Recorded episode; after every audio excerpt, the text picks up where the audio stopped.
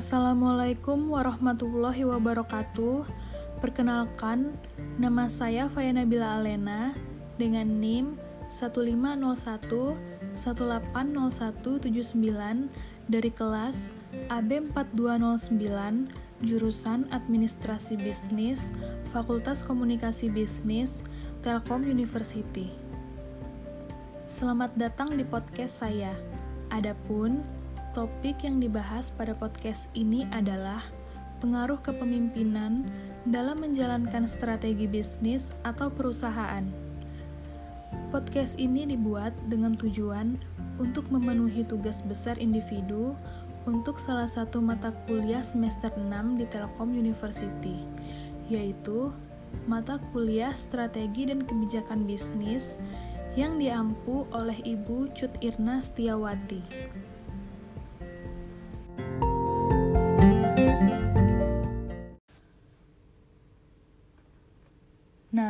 Di sini saya akan mencoba menjelaskan dulu ya, apa sih kepemimpinan itu? Menurut Stoner, kepemimpinan adalah sebuah proses dalam mengarahkan atau mempengaruhi kegiatan terkait sebuah organisasi atau kelompok demi mencapai tujuan tertentu. Sedangkan menurut Wahyu Sumijo, kepemimpinan merupakan kemampuan dalam diri seseorang dan mencakup sifat-sifat seperti kepribadian, kemampuan, dan kesanggupan. Kepemimpinan tidak dapat dipisahkan dari gaya, perilaku, dan kedudukan pemimpin bersangkutan dan interaksinya dengan para pengikut serta situasi. Nah, dari definisi yang udah saya bacain nih, kita dapat kesimpulan secara umum kalau kepemimpinan itu semuanya merujuk pada tindakan untuk mempengaruhi seseorang atau sekelompok orang di dalam suatu organisasi atau perusahaan. Nah, sekarang teman-teman udah tahu kan apa arti dari kepemimpinan? Selanjutnya, saya akan membahas teori tentang kepemimpinan. Yang pertama, ada teori karakter. Teori karakter merupakan sebuah teori yang menitik beratkan karakter-karakter tertentu yang mampu menyukseskan kepemimpinan. Contohnya, seperti karakter fisik, intelijensi, ketegasan, dan sebagainya. Teori ini dipercaya oleh banyak orang, tetapi tak jarang dihampiri kritik. Salah satunya terkait karakteristik fisik. Dalam teori karakter, fisik yang terlihat tegap dan kuat dianggap sebagai karakter pemimpin terbaik. Kemudian, yang kedua, ada teori perilaku. Dalam teori perilaku dijelaskan mengenai beberapa perilaku yang mencerminkan karakter pemimpin. Perilaku tersebut terbagi menjadi dua. Yang pertama adalah job centered dan yang kedua adalah employee centered. Job centered adalah sifat kepemimpinan yang berfokus pada pekerjaan. Sementara itu, employee centered berfokus pada kondisi karyawan atau bawahan di sebuah proyek. Kemudian yang ketiga, ada teori kepemimpinan situasional. Teori yang dikembangkan oleh Hersey dan Blanchard ini memiliki titik berat pada kematangan para pengikut atau bawahan. Kesuksesan suatu tujuan bergantung pada matang tidaknya para bawahan. Maka dari itu, pemimpin diharapkan mampu menganalisis apakah para bawahannya sudah cukup matang atau belum. Dapat disimpulkan bahwa ada berbagai perbedaan pendapat terkait teori kepemimpinan. Namun, yang jelas, kepemimpinan yang sukses tidak hanya berlandaskan pada faktor pemimpin saja, tetapi juga para bawahan. Nah, selain teori kepemimpinan, terdapat pula nih fungsi dari kepemimpinan itu sendiri. Apa aja sih fungsi kepemimpinan itu? Yang pertama, ada fungsi instruktif. Fungsi ini menempatkan pemimpin sebagai pengambil keputusan dan pemberi tugas terhadap para bawahannya. Sementara itu, para bawahan bertugas untuk menjalankan segala instruksi yang diperintahkan oleh para pemimpin. Yang kedua, ada fungsi konsultatif. Berbeda dengan fungsi instruktif, fungsi konsultatif sifatnya dua arah. Bawahan dapat berkonsultasi pada pemimpin untuk mencari jalan terbaik dalam mencapai tujuan bersama. Pemimpin diharapkan cukup bijak dan punya pengetahuan terkait hal yang sedang dikerjakan, supaya bisa mengarahkan bawahannya dengan baik. Kemudian, yang ketiga ada fungsi partisipasi. Dalam fungsi ini, pemimpin mampu mengaktifkan partisipasi para pesertanya, sehingga mereka juga turut berpartisipasi dan berinisiatif dalam suatu proyek. Jadi, para bawahan ini tidak hanya sekedar menjalankan perintah saja ya teman-teman, tetapi juga berpartisipasi, misalnya dalam mengambil keputusan untuk mencapai tujuan bersama. Kemudian yang keempat, ada fungsi delegasi. Dalam fungsi delegasi, pemimpin mampu untuk mendelegasikan suatu wewenang kepada orang lain yang memang sesuai dengan tugas tersebut. Bukan hanya mampu memerintah, ia juga harus mampu untuk mengetahui tugas-tugas yang cocok didelegasikan kepada bawahannya. Selanjutnya, Fungsi kepemimpinan yang terakhir adalah fungsi pengendalian. Fungsi pengendalian berarti pemimpin mampu untuk mengendalikan segala aktivitas bawahannya agar efektif bertugas untuk mencapai tujuan dan tidak keluar jalur. Dalam menjalankan fungsi ini, dibutuhkan pemimpin yang tegas dan juga pemimpin yang teliti dalam mengamati bawahannya. Nah, selanjutnya, apa aja sih macam-macam gaya kepemimpinan itu?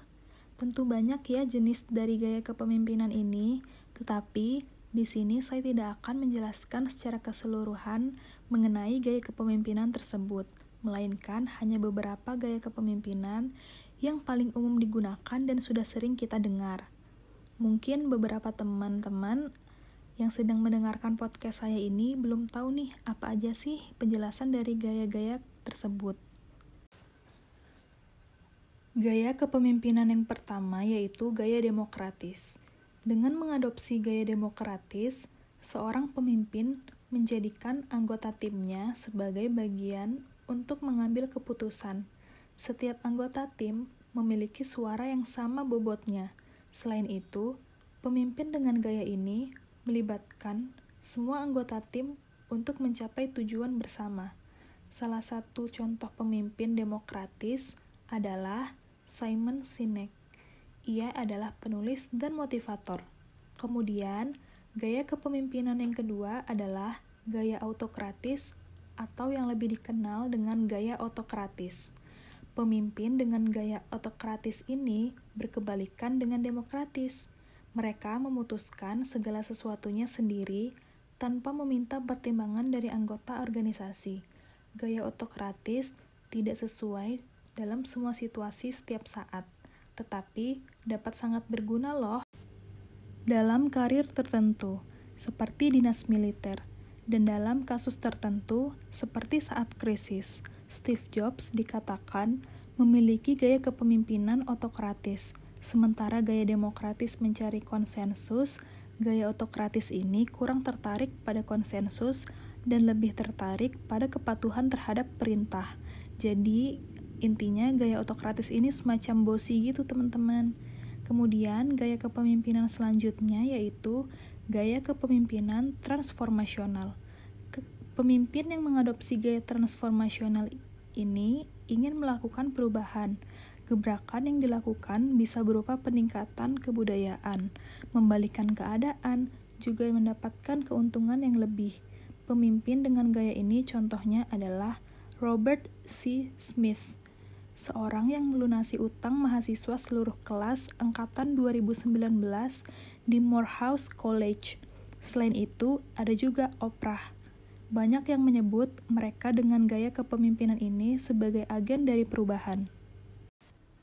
Gaya kepemimpinan yang keempat adalah gaya kepemimpinan transaksional. Pemimpin dengan gaya transaksional ini tidak akan mengubah keadaan yang sudah stabil, mereka lebih berfokus agar tim melakukan tugas sesuai dengan semestinya.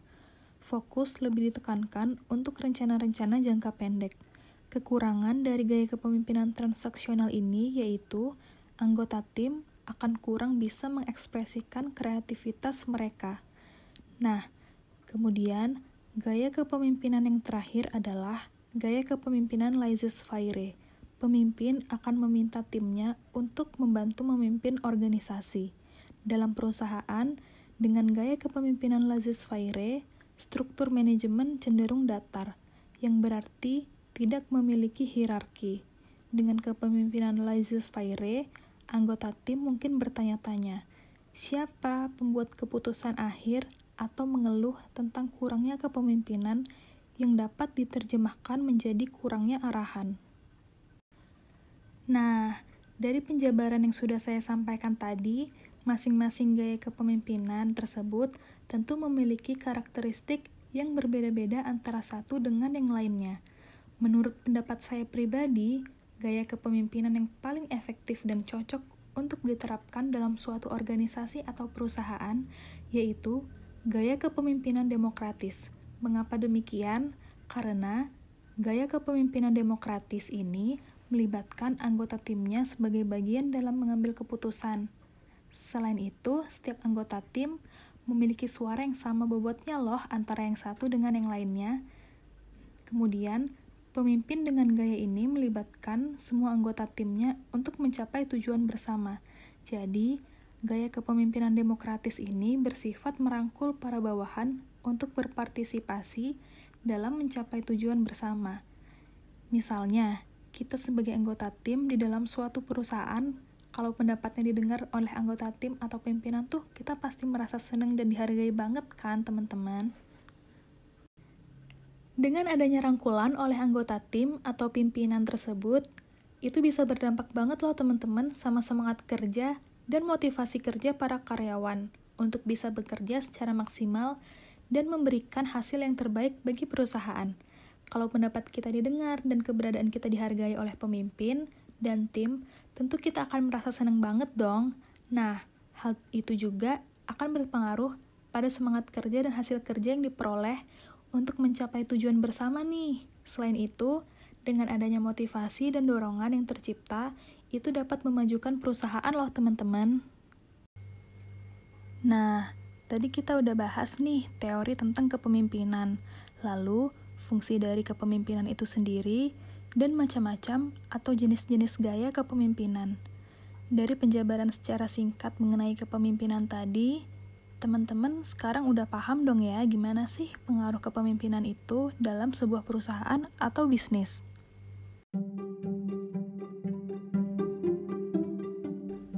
Selanjutnya, kita akan masuk ke segmen berikutnya, yaitu segmen kedua, di sini, saya berkesempatan untuk wawancara nih sama pemilik salah satu UMKM yang ada di kota Bandung. Nama UMKM-nya sendiri yaitu Maba, yang bergerak di bidang kuliner.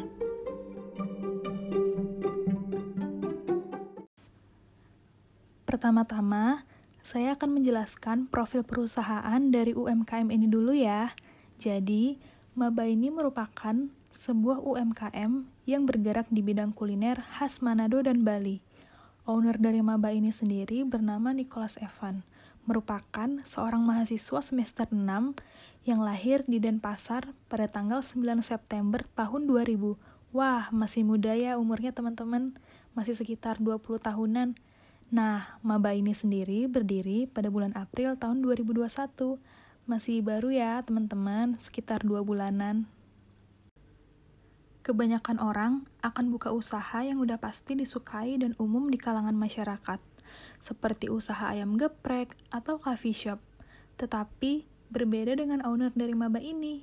Menurut saya, owner Maba ini cukup berani ya untuk menjual makanan khas daerah seperti Manado dan Bali di kota Bandung.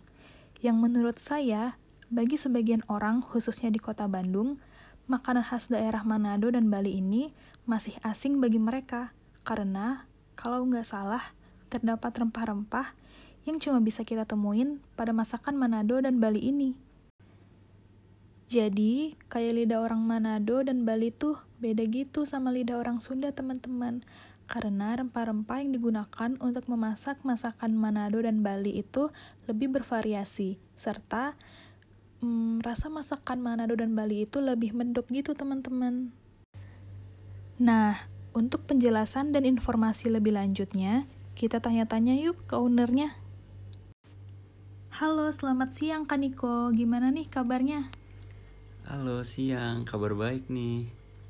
Mungkin bisa perkenalkan diri terlebih dahulu, Kak. Halo, saya Nicholas Evan, biasa dipanggil Niko. Saya asli orang Denpasar, Bali, kelahiran tahun 2000. Wah, asli Bali nih. Sekarang lagi sibuk apa nih, Kak? Sekarang lagi sibuk kuliah sambil jualan aja sih. Aku jual makanan khas Manado dan Bali gitu. Mungkin bisa diceritain ke teman-teman semua nih kak, gimana sih ide awal memutuskan buat jualan makanan daerah khas Manado dan Bali ini? Soalnya aku lihat kakak ini cukup berani nih untuk jual makanan khas daerah seperti Manado dan Bali di kota Bandung. Hmm, awalnya aku tuh kayak kangen gitu sama makanan eh masakan khas Bali yang dibuat sama mamaku terus jadi kepikiran pasti ada juga kan yang sama kayak aku yang kangen masakan daerah gitu tapi lagi ngerantau nih di Bandung. Terus jadi muncul ide gimana ya kalau aku jualan masakan khas daerah tapi jualnya di kota yang banyak orang rantau kayak Bandung gini.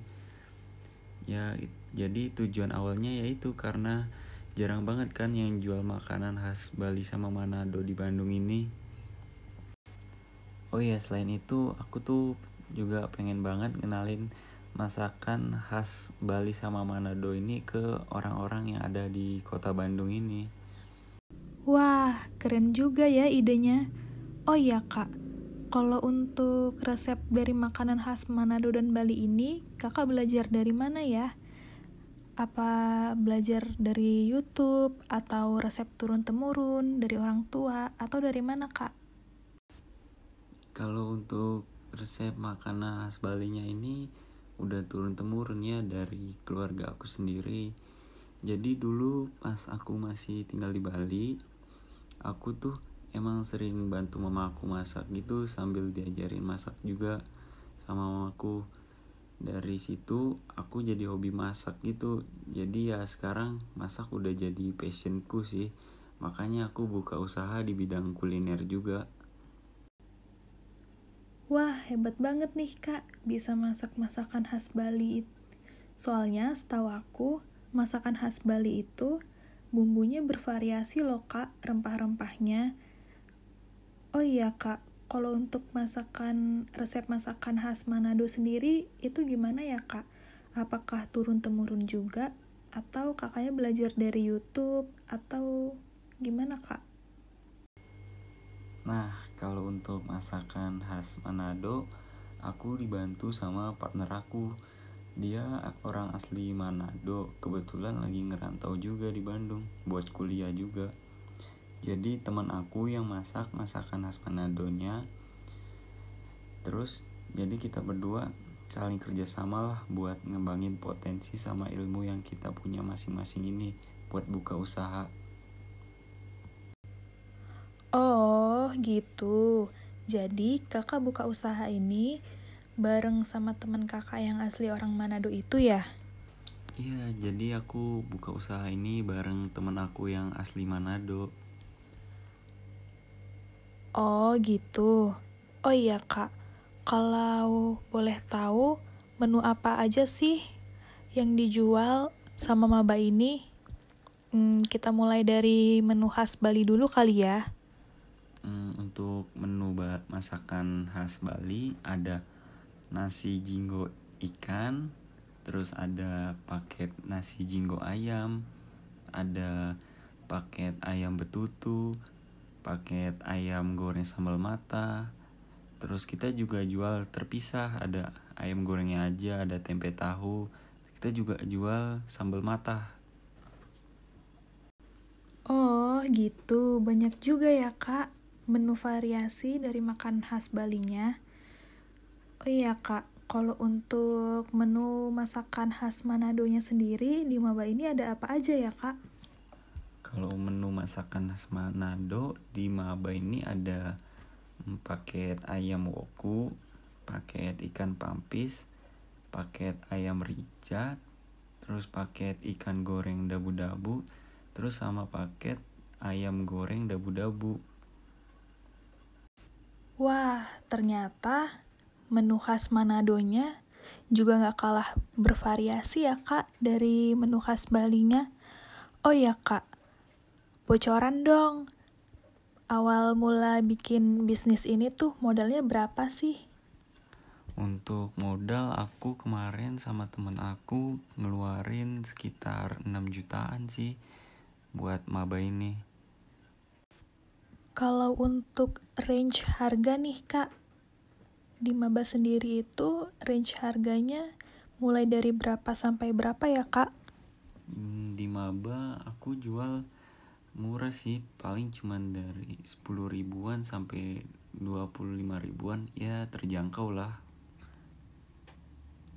Wah, terjangkau banget nih kak bagi mahasiswa ya. Iya lumayan lah terjangkau untuk mahasiswa. Oh iya, kalau untuk per hari nih kak, itu biasanya uh, bisa habis berapa porsi sih? Untuk berapa porsinya beda-beda ya tiap harinya. Kadang cuma 30 porsi, tapi kalau lagi rame sih bisa sampai sekitar 50 porsi ya. Kalau untuk target pasarnya nih kak, kakak itu menargetin buat mahasiswa atau gimana sih? Kalau target pasar, aku juga nargetin buat mahasiswa sih.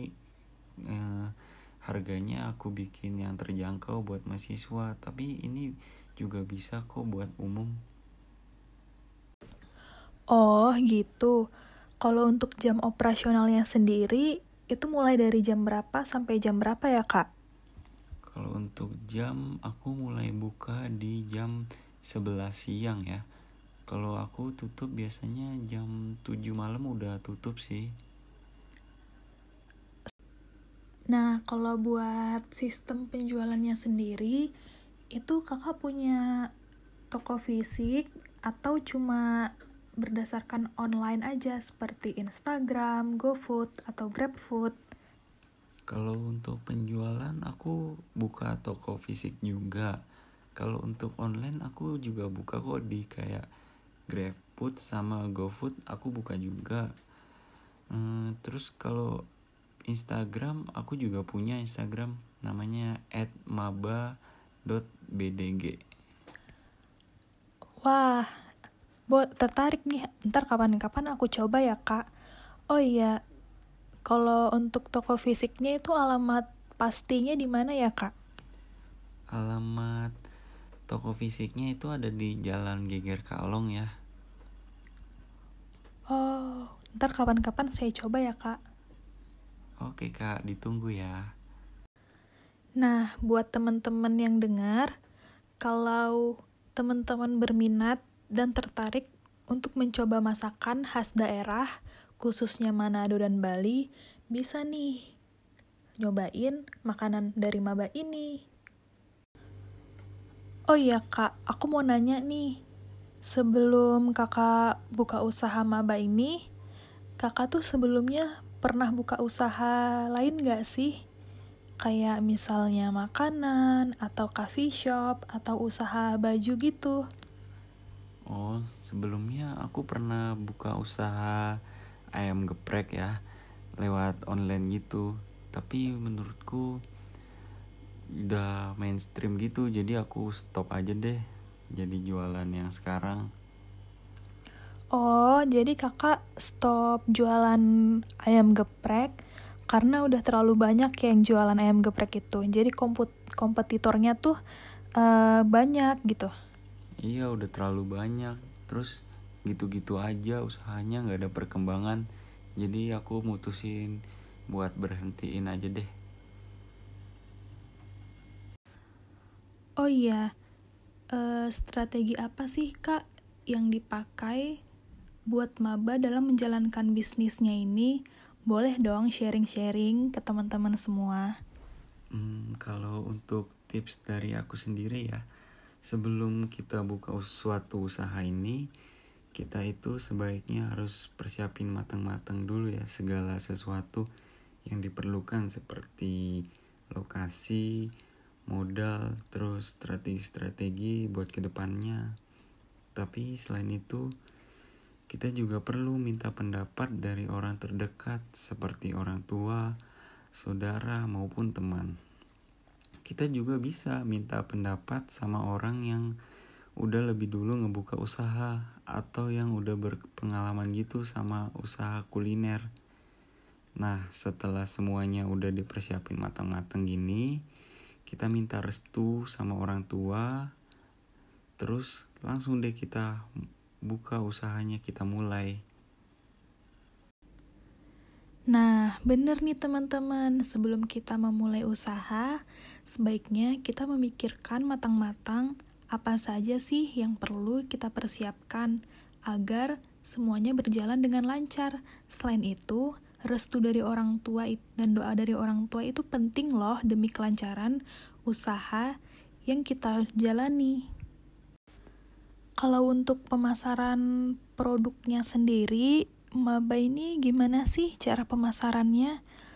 Apakah melalui Instagram atau uh, endorse ke selebgram, ke artis, atau gimana kak?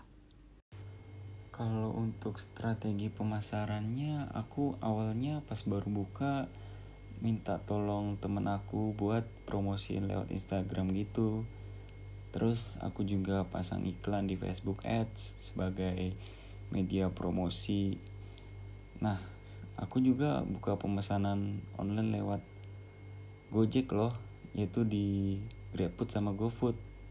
Nah, di GrabFood sama GoFood ini ngebantu banget sih buat ngejangkau konsumen yang lumayan jauh dari toko offline-nya Maba ya. Selain itu di GrabFood sama GoFood ini juga sering ada promo gitu buat menarik minat pembeli. Ini nguntungin banget sih buat pelanggan sama penjual. Wah, bener banget nih kak. Dengan adanya promo, itu dapat uh, menarik minat konsumen loh, terutama mahasiswa.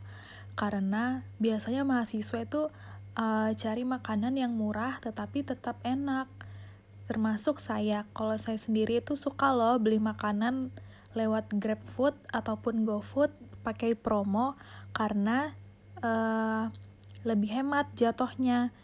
Dan oh iya, kalau untuk Facebook Ads sendiri itu emang ngaruh banget sih kak, menurut aku karena banyak juga eh, orang-orang yang pakai. Soalnya kalau misalnya aku lagi buka Instagram, aku suka ngeliat nih iklan-iklan uh, yang dipasang sama pelaku bisnis dalam memasarkan produknya.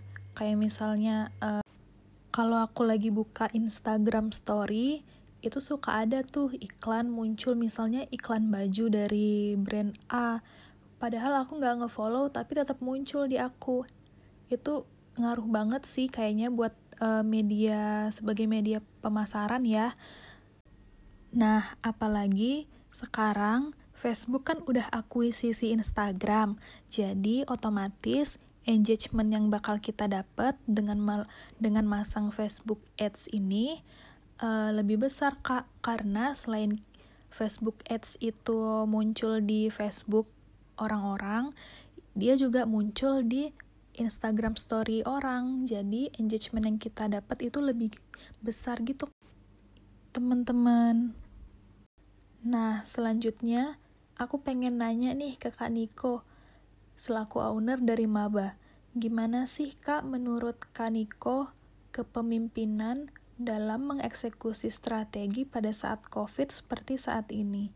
Karena seperti yang kita tahu, Kak Niko kan memulai usaha saat sedang pandemi COVID seperti saat ini. Nah, gimana sih caranya agar usaha Kak Niko ini tetap bertahan dan Kak Niko tetap semangat dalam menjalankan usaha ini. Hmm, memimpin dalam keadaan pandemi kayak gini pasti susah ya. Sebagai pemimpin, aku harus tetap tenang agar dapat ngambil keputusan yang tepat. Selain itu, aku sebagai pemimpin juga harus bisa nenangin partner aku yang mungkin ragu ya buka usaha tapi pas masa pandemi. Soalnya kan yang udah buka usaha lama aja bisa tutup karena dampak dari pandemi ini. Terus aku sebagai pemimpin juga harus bertindak cepat dan bertukar pikiran dengan partner aku. Karena menurutku cara terbaik merencanakan dan mempersiapkan strategi menjalankan usaha di masa pandemi ini ya dengan bertukar pikiran sama partner atau tim kita sendiri ya. Tapi kesehatan diri sendiri juga penting ya, karena pemimpin juga butuh istirahat supaya nggak stres. Oh, berarti Kaniko ini uh, komunikasi dengan partner tuh dua arah ya. Jadi bukan semuanya dikendaliin sama Kaniko, melainkan uh, komunikasi dua arah ya. Iya bener banget dua arah Bukan dari pandangan pribadi aja ya Berarti Kaniko ini uh, menerapkan gaya kepemimpinan demokratis, bener nggak ya? Iya bener banget. Jadi aku tuh melibatkan partner aku untuk mengambil keputusan Semua keputusan ya. Wah bagus banget tuh kak. Menurut pendapat aku, aku juga mikir uh, gaya kepemimpinan yang efektif untuk diterapkan dalam organisasi atau perusahaan itu gaya kepemimpinan demokratis loh karena dia kan uh, merangkul tuh sifat uh, karakternya tuh merangkul. Jadi uh, lebih berasa kayak kekeluargaan gitu ya kak? Iya bener banget. Oke kita masuk ke pertanyaan selanjutnya. Uh, menurut Kak Niko sendiri nih, hambatan apa aja sih yang pernah Kak Niko temui selama menjalankan bisnis?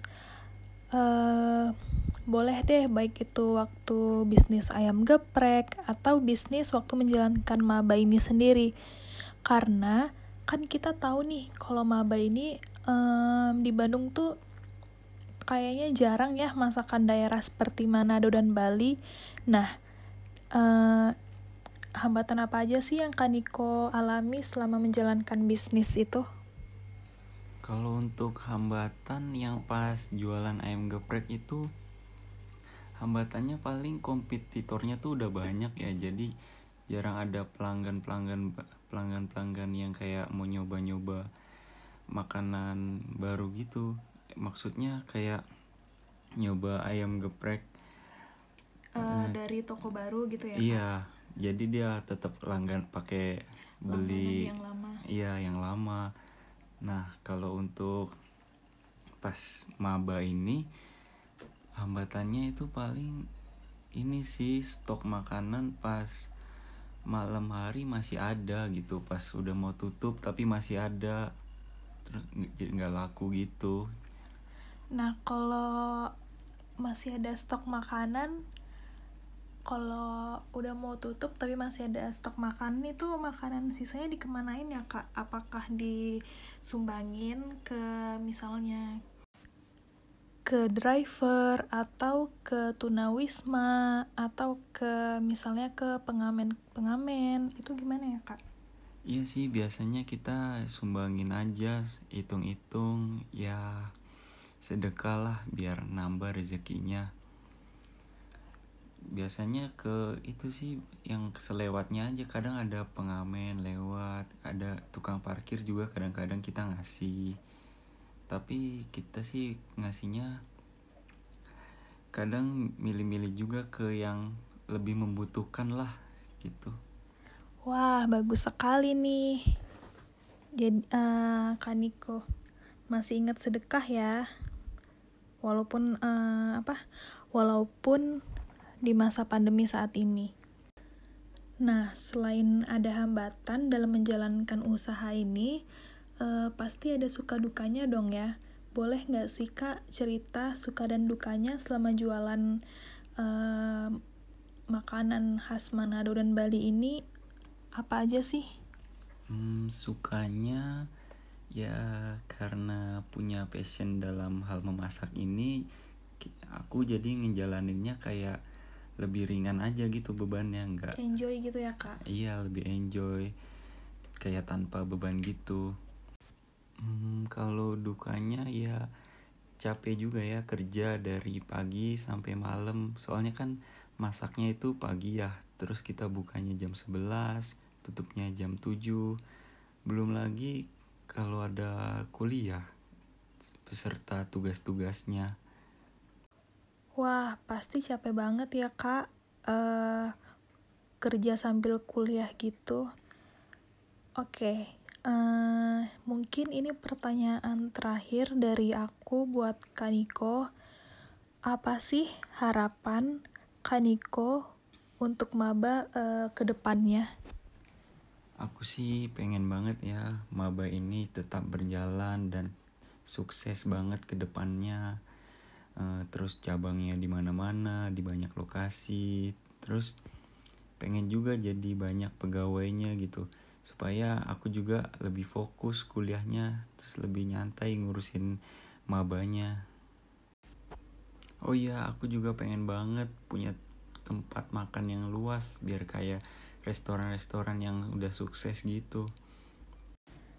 Saya rasa uh, sesi tanya jawab dengan Kaniko selaku owner dari Maba dan sekaligus narasumber kita uh, sudah cukup sampai di sini ya. Terima kasih ya buat Kaniko untuk kesempatan yang sangat berharga ini. Iya, makasih juga udah diundang. Semoga bermanfaat ya. Yang positifnya bisa diambil, yang negatifnya dibuang aja.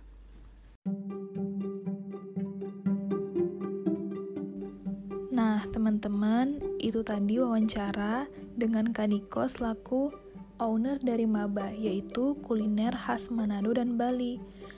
Kita akan masuk uh, ke sesi selanjutnya, yaitu sesi 3 sekaligus sesi terakhir.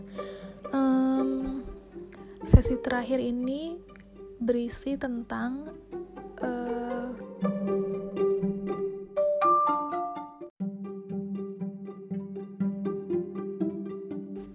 ringkasan dari materi dan juga hasil wawancara yang telah saya lakukan bersama Kaniko.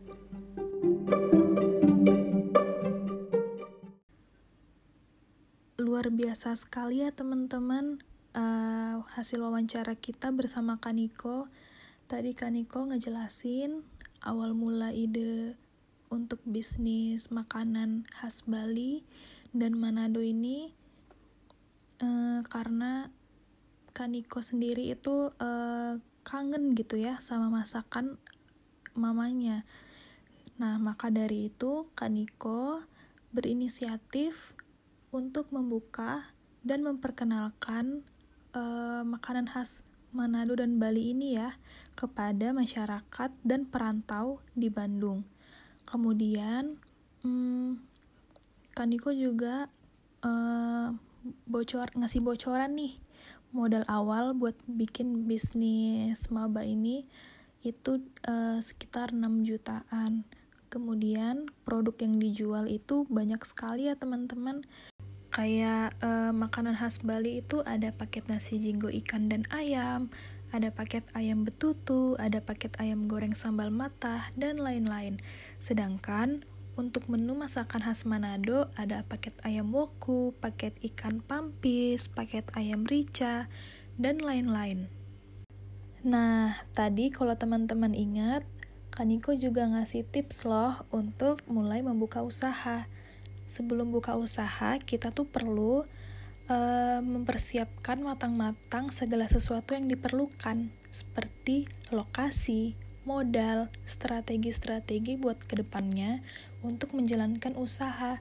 Nah, selain itu, kita juga perlu loh minta pendapat dari orang-orang terdekat, terutama orang tua. Selain itu, kita juga bisa minta pendapat uh, ke saudara maupun teman. Nah, setelah persiapannya dirasa sudah matang, Jangan lupa ya untuk meminta restu dan doa dari kedua orang tua, karena doa dan restu dari kedua orang tua itu sangat penting loh teman-teman demi kesuksesan dan kelancaran usaha yang sedang kita jalani.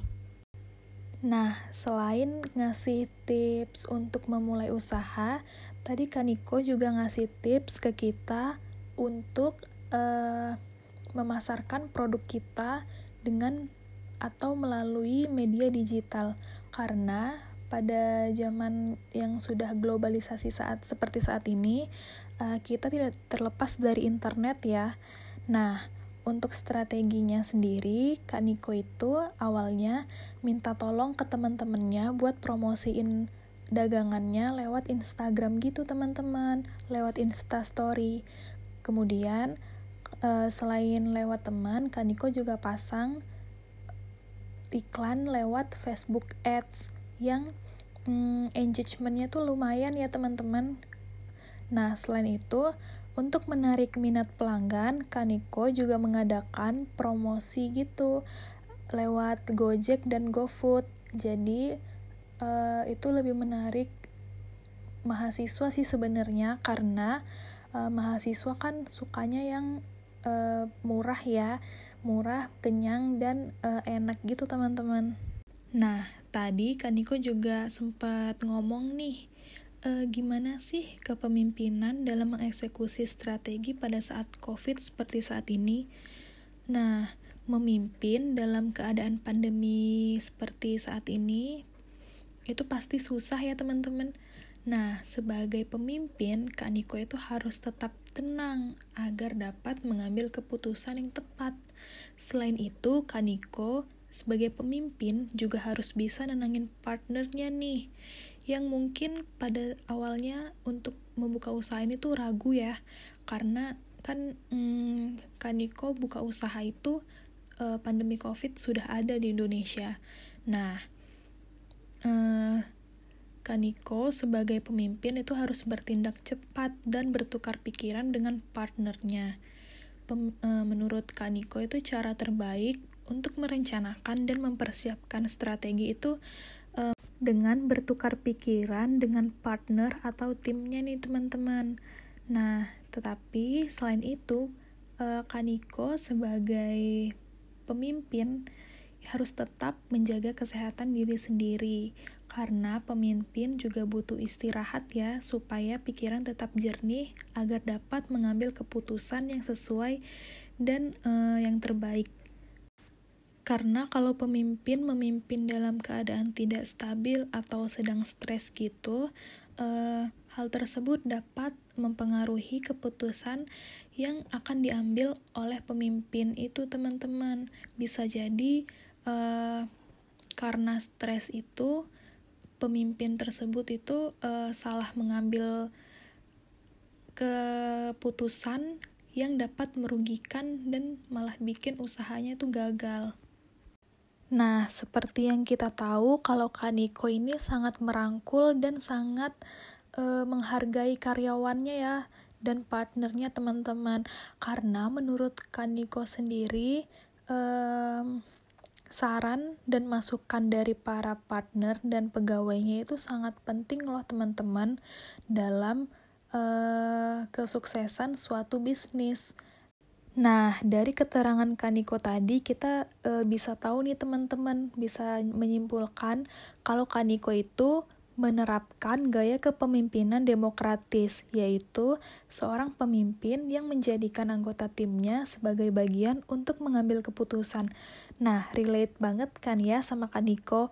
Nah, setiap anggota tim dari gaya kepemimpinan demokratis ini memiliki uh, suara yang bobotnya sama loh teman-teman. Jadi uh, istilahnya gak pandang bulu lah. Nah, selain itu, pemimpin dengan gaya demokratis ini melibatkan semua anggota tim untuk mencapai tujuan bersama. Nah, dengan kita merangkul uh, partner atau pegawai kita, seperti yang dilakukan oleh Kaniko tadi, itu dapat meningkatkan motivasi kerja karyawan loh teman-teman. Nah, mungkin di sini teman-teman ada yang belum tahu nih, motivasi kerja itu apa sih? Motivasi kerja merupakan suatu hal yang dapat mempengaruhi perilaku karyawan.